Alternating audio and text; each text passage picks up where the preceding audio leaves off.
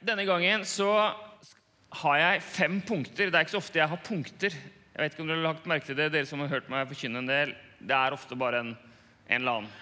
Eh, ett punkt eller 17 punkter eller 27 punkter og fem digresjoner. Eh, men i dag så har jeg fem punkter. Um, og det er i form av eh, ganske trivielle rammer. Altså jeg har fem punkter hvor jeg forma det som en slags påskenøttsak eh, her. Eh, påske er jo en slags institusjon, og det finnes jo veldig mange tradisjoner i påske. og En av disse er jo påskenøttene. Det er lenge siden jeg har sett på det. Jeg ser på det sånn, en sånn glimt innimellom før Kveldsnytt og sånn, og skjønner at det er lavbudsjettsproduksjoner. Eh, men eh, det er jo en slags eh, god følelse. Så her har vi fem ord. Jeg kan allerede røpe ordet, ja. Ordet, det er ikke så veldig revolusjonerende. Ordet er påske. Men jeg har lyst til å si fem ting om påske. Og selv om liksom rammen her er litt triviell, så håper jeg iallfall innholdet er substansielt. Første ordet er personlig.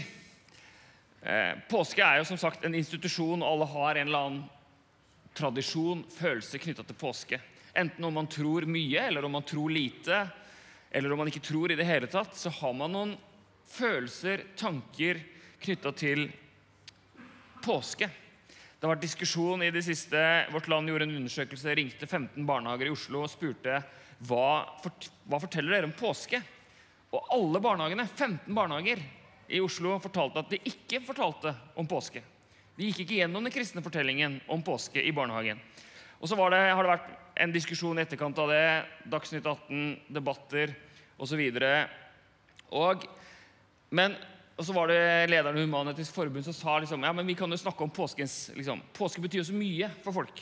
Ulike ting. Og det er masse ulike tradisjoner, og det går an å snakke om påske. og om Påskekyllinger var det masse av i barnehagene. Det var påskeegg. var det masse av. Det var gult. En gul feiring. Men man fortalte ikke om hvorfor man feirer påske. Men alle i Norge har et forhold til påske, uansett eh, hva man legger i det. Men jeg har en lengsel etter at påske for meg skal bli mer og mer personlig. Og det er den allerede. Men at påskens budskap, budskap skal bli personlig for meg og for alle. At stadig flere mennesker skal erfare at påske gjelder dem. Jeg vet ikke, Det er sånn etter hvert at man merker at påske, påskene kommer og går. Å ja, er det påske igjen, da? Selv om jeg eh, snakka med Harald på eh, før gudstjenesten her, at tenk at nå er det tre år siden vi var sammen på første påskedag her i kirka. 2019 var forrige gang. Men så kommer påske, og påske går. Og så blir det sånn Ja, ja, nok en påske. Og så er påske i kalenderen en sånn, sånn milepæl. Ja, vi må prøve å få det til før påske, sier vi. Vi må få det til før påske. Og så, påske, så kommer påske, og så går påske forbi. Og så sier ja, vi får, vi får ta det etter påske. Men jeg vil og lengter etter at påske skal bety noe for meg, mer personlig. Det er en liten setning i påskeberetningen som jeg ofte har stoppa opp ved. Eh, og Det er ikke sikkert det er en viktig setning, men det står eh, om Peter. Da grep de han, Jesus, og førte han til øversteprestens hus. Peter fulgte etter langt bak. Peter som eh, har fulgt Jesus så tett, som har gitt liksom, gått all in og sagt at 'Jesus, jeg skal gjøre hva som helst for deg'. Jeg skal følge deg i døden, om så. Han har eh, liksom virkelig en sånn høy bekjennelse. Men så blir Jesus arrestert, og så står det at Peter fulgte etter langt bak. Er det ikke sånn det oppleves noen ganger? Jesus blir kanskje Jesus, men på avstand. Jesus blir kanskje en teori, en, et, en, en mening. Det blir et rammeverk. Og så følger jeg etter Jesus, men på avstand. Kanskje så blir jeg stående med armene i kryss og betrakte eller kritisere eller stille spørsmål. Eller jeg er usikker, jeg går langt bak. Men jeg har en lengsel at påske skal få dypere røtter hos meg. At jeg kan leve mitt liv ut fra påskens budskap. At påske ikke bare er noe som kommer i kalenderen, men noe som blir daglig, som skjer hele tiden inni mitt liv. Jesus han talte jo til massene, men han talte også til enkeltmenneskene. Og Det er jo nettopp i møte med enkeltpersoner at Jesus virkelig kommer fram i bibelteksten. Når Jesus møter alle mennesker én til én og overrasker ofte, kommer med helt andre svar enn det vi kanskje forventer, kommer med andre utfordringer enn vi forventer. Når Jesus behandler folk tilsynelatende ulikt. Vi tenker jo at Jesus han behandler alle likt. Nei, han gjør ikke det. Han behandler folk ulikt. Han behandler alle som seg selv. Altså, Jesus er den samme, men han møter mennesker ulikt. Og jeg tenker at sånn er det også her. Påske er personlig, og Jesus møter oss hver enkelt ulikt. Jeg trenger påske. Jeg trenger frelse. Jeg trenger oppstandelse. Jeg trenger håpet om at døden er sterkere, er livet er sterkere enn døden. Og så er det altså to andre setninger i påskeberetningen som har gjort inntrykk på meg, som gjør inntrykk på meg, eller det er mange. Men uh, denne her Jeg har lengtet inderlig etter å holde dette påskemåltidet med dere før jeg lider. Og som vi også, også sier i forbindelse med nattverden, jeg har lengtet etter å feire dette måltidet med dere. Og Johannes 13, han hadde elsket sine egne som var i verden og han elsket dem helt til det siste. Jesus møter oss personlig. Og som jeg har sagt før, Når Jesus sitter til bords med de tolv disiplene, så er det ikke bare tolv disipler. Det er Peter, det er Bartolomeus, Andreas, Philip, Jakob og Jakob. Sebudeusson og Alfeusson, om du vil. Det er Johannes, Thomas, Matteus, Judas og Simon. Det er de tolv, men det er også hver enkelt en av dem. Han kjente dem så godt, og han elska dem. Han elsket sine egne, og han elska dem helt til det siste. Ordet 'personlig' betyr Eller iallfall én. I ordboka så står det at det er noe som angår, tilhører eller er rettet mot en enkelt person. Påsken er personlig. Det angår deg, og det angår meg. Jeg har i den seinere tida mer og mer begynt å sette pris på det kollektive i kristen tro. At vi er et fellesskap. At det er kirkens tro, at det er ikke bare min personlige tro. Det er ikke mitt private andagsliv, men det er hva jeg gjør sammen med kirken. Men eh, påske Vi kommer ikke unna at det også er personlig. Det gjelder deg og meg. Og det gjelder Maria Magdalena, som vi hørte om i søndagens tekst. Hun som kommer til graven mens det enda var mørkt, som det står. Hun hadde jo erfart at Jesus hadde møtt henne. Hun hadde jo fått et helt nytt liv i møte med Jesus. Men så har Jesus gått bort. Hun tror at han er død. Mens det enda var mørkt, så går hun dit, og så er graven tom. Etterpå så skal vi synge det som også kalles Maria Magdalenas lovsang, nemlig 'Salig stund uten like', som er en bekjennelse fra Maria. Påske er personlig. For deg, for meg, Maria Magdalena, for Peter, for den andre disippelen som Jesus elsket, som det sto i teksten som vi hørte lest. Det var personlig. Det neste ordet er, kan være åpen. Da ser hun sto det i teksten, da ser hun at steinen foran graven er tatt bort. Graven er åpen. Åpen. Det er jo, Jeg vet ikke hva slags assosiasjoner du får til åpen. Åpen. Jeg tenker nesten utelukkende at det er et positivt ord. Åpen. Om det ikke er status på inngangsdøra når du kommer hjem fra ferie. liksom. Åpen. Men åpen er et positivt ord. Kvinnene kommer til en åpen og tom grav. Ikke det de hadde forventa. Det har vært mange diskusjoner og spekulasjoner om hva som skjedde med Jesu kropp. Og De spekulasjonene starter allerede i bibelteksten. Men man regner med at alle de første disiplene, bortsett fra Johannes, døde som martyrer. De døde for det de trodde på, for det de hadde sett. Og det at de skulle ha stjålet Jesu kropp og gjemt den, for så å gå i døden for å forsvare den løgnen, når de ikke hadde noe å vinne på det, det virker for meg usannsynlig eller vanskelig å tro på. Det var historien om den åpne graven de gikk i døden for. Det var ikke korset.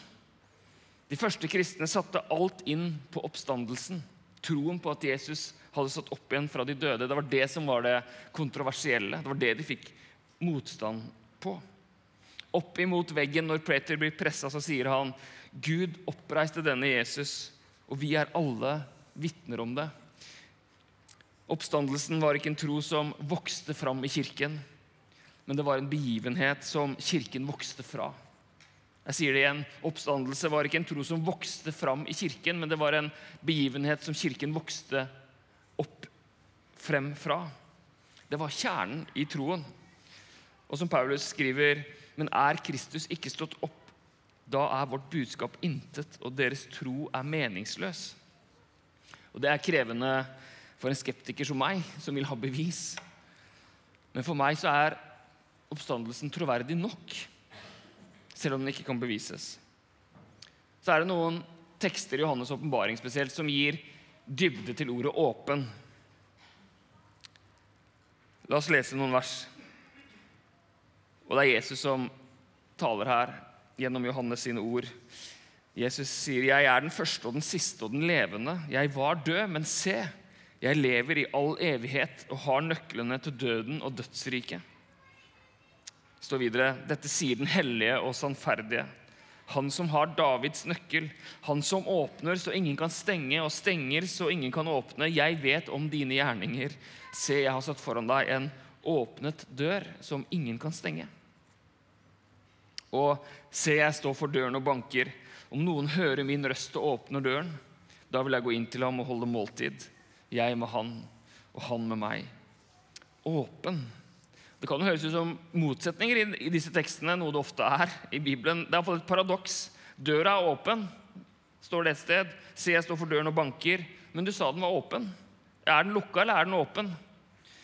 I St. Paul's Cathedral henger det et kjent bilde som jeg har vist før, av William Holman Hunt fra 1851, det, som heter 'The Light of the World'. Verdens lys. Det viser Jesus som står på utsiden av en dør og banker på. Det fortelles at når dette bildet ble avduka, så var det en av de som så på det, som kommenterte at men eh, det er ingen dørhåndtak eller dørklinke på dette, denne døra. Er det en feil? Hvor William Holman Hunt skal ha svart at det er ikke noe feil med bildet, men det er bare håndtak på innsiden.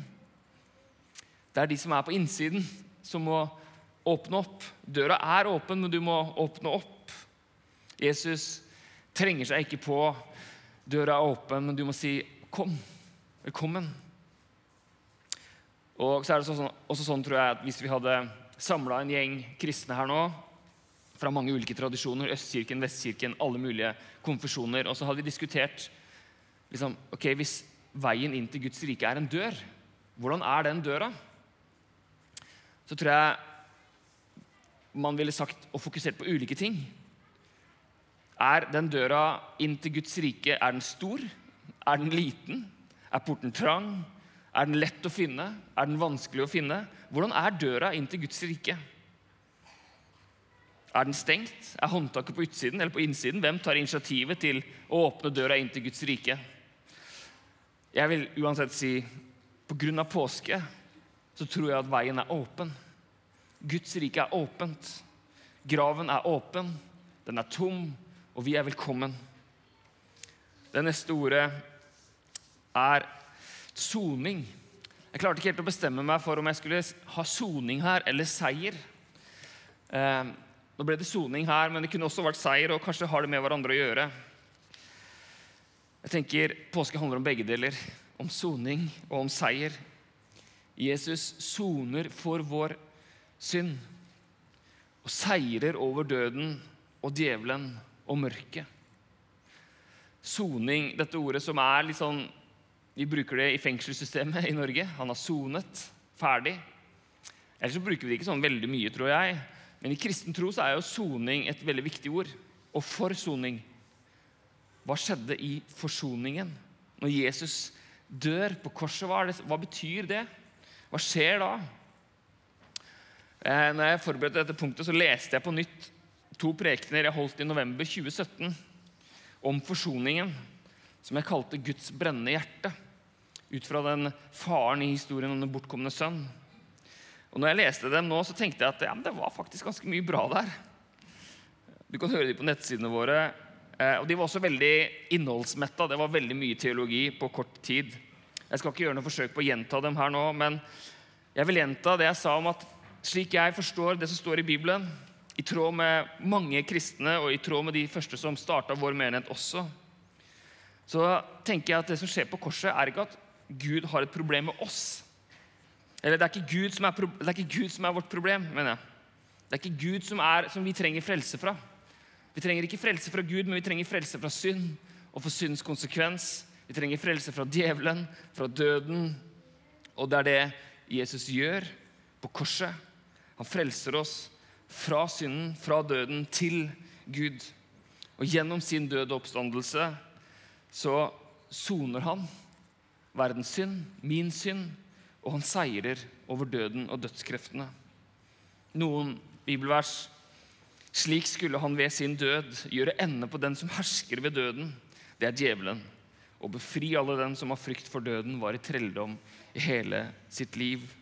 Og Paulus sier det liv jeg nå lever her på jorden, det lever jeg i troen på Guds sønn, som elsket meg og ga seg selv for meg. Jesus soner, og han seirer. Neste er K-en for kraft. Kraft. Ikke bare teori, ikke bare et trossystem, ikke bare et rammeverk, ikke bare en tradisjon, ikke bare en kulturarv, men kraft. Jesus kommer med kraft. Igjen, vi skal lese noen bibelvers. Et fantastisk eh, bønn fra Efeseren 1. Paulus skriver Måtte han gi deres hjertes øye lys, så dere forstår hvilket håp han har kalt dere til, hvor rik og hellig arven er for de hellige, og hvor veldig hans kraft er hos oss som tror. Med denne, med denne veldige makt og styrke reiste han Kristus opp fra de døde og satte ham med sin høyre hånd i himmelen, over alle makter og myndigheter, over alt velde og, herredømme, og over alle navn som kan nevnes, ikke bare i denne verden, men også i den kommende. Altså Den samme kraften som reiste Kristus opp fra det døde, den har vi, den er hos oss. Videre så leser vi Filipperne. Paulus skriver, 'Jeg vet hva det er å ha det trangt, og hva det er å ha overflod.' I alle ting er jeg innviet både å være mett og å være sulten, ha overflod og lide nød. Alt makter jeg i Han som gjør meg sterk. Så kommer vi hit til gudstjeneste i dag, og så har vi kanskje overflod eller mangel. Vi har det trangt. Vi er mett eller vi er sulten.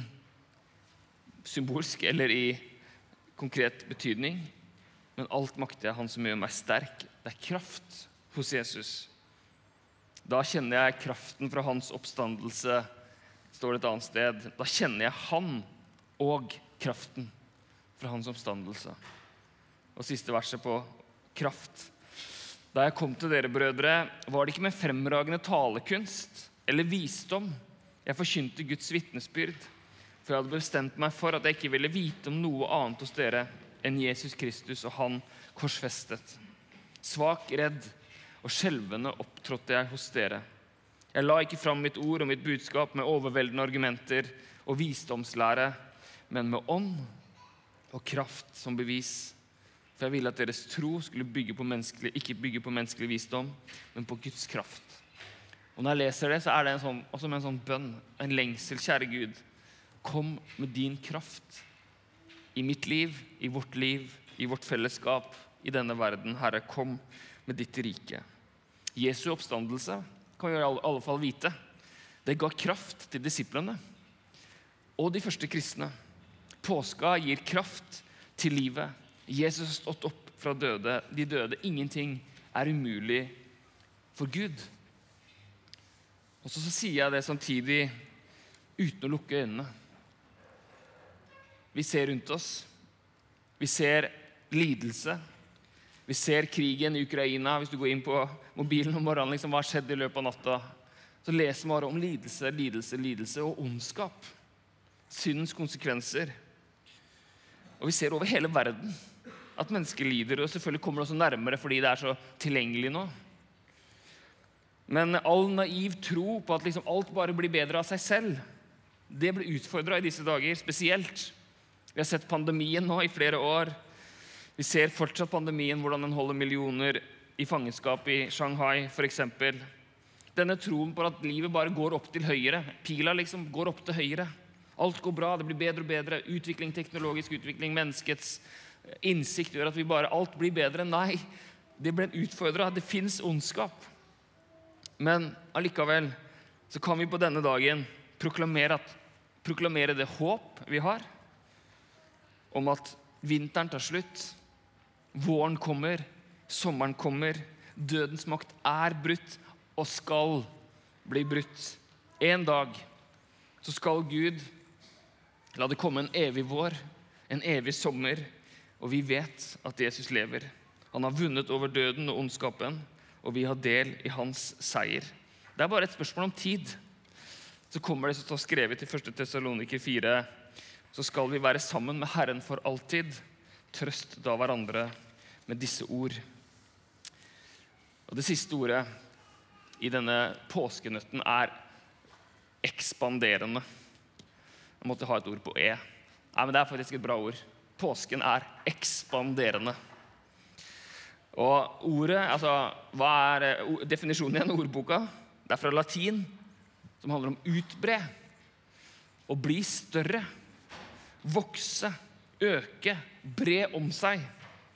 Det er påskens budskap. Den er ekspanderende. Og En av grunnene til det er at, Jesus, at disiplene tok på alvor det som sto Det Jesus sa til dem, og som vi kan lese i Matteus 28. Men de elleve disiplene dro til Galilea etter oppstandelsen, til fjellet der Jesus hadde sagt han ville møte dem. Og da de fikk se ham, falt de ned og tilba ham. Og denne detaljen Men noen tvilte. Da trådte Jesus fram til dem, eller trådte Jesus fram og talte til dem. Jeg har fått all makt i himmelen og på jorden. Gå derfor og gjør alle folkeslag til disipler. Døp dem til Faderens og Sønnens og Den hellige ånds navn, og lær dem å holde alt det jeg har befalt dere. Og se, jeg er med dere alle dager inn til verdens ende. Engelen, som eh, det står om noen steder i dagens, altså søndag, eller oppstandelsestekstene, ber kvinnene å gå og fortelle det til disiplene. Jesus møter kvinnene og ber dem gå og fortelle disiplene. Jesus møter disiplene og ber dem gå og fortelle verden. Altså ryktet går. Ryktet sprer seg, ryktet ekspanderer. Og Derfor er vi her nå, fordi noen har fortalt det videre, gitt det videre. Eh, derfor så vokser påskehistorien. Evangeliet utbrer seg. Guds rike lever og vokser og gir frukt. Kolosseren er siste vers, eller det siste verset nå. For i hele verden bærer evangeliet frukt og utbrer seg. Og Hvordan står det til med Guds rike? Så Knut Veitreid sa når han var her og forkynte var det i fjor, så sa han jeg tror det går bra med Gud. Det går bra med Gud. Og det går bra med Guds rike. Og så kan man liksom Ja, men hvordan går det i norsk sekularisert Bla, bla, bla. Ja, men Gud går det bra med. Og Guds rike går det bra med. Og Guds rike skal vokse også inn i evigheten så har vi vår visjon som menighet, som vi har sagt, at vi ønsker å gjøre Jesus tydelig. At de gode nyhetene skal forkynnes, utbres. At for stadig nye mennesker så skal påsken kunne bli fra å være bare en dato i kalenderen til å bli personlig. For de barna som sitter og tegner der inne, at de skal kunne erfare at det går an å leve godt og sant og rett, og at det beste livet fins hos Jesus. At vi er et fellesskap som oppdager stadig mer av påske, og som gir det videre. Og som inviterer mennesker inn og sier vet du hva, døra er åpen. Velkommen. Så påske personlig, åpen, soning, skråstrek, seier, kraft og ekspanderende er noe av noe av det vi feirer denne dagen.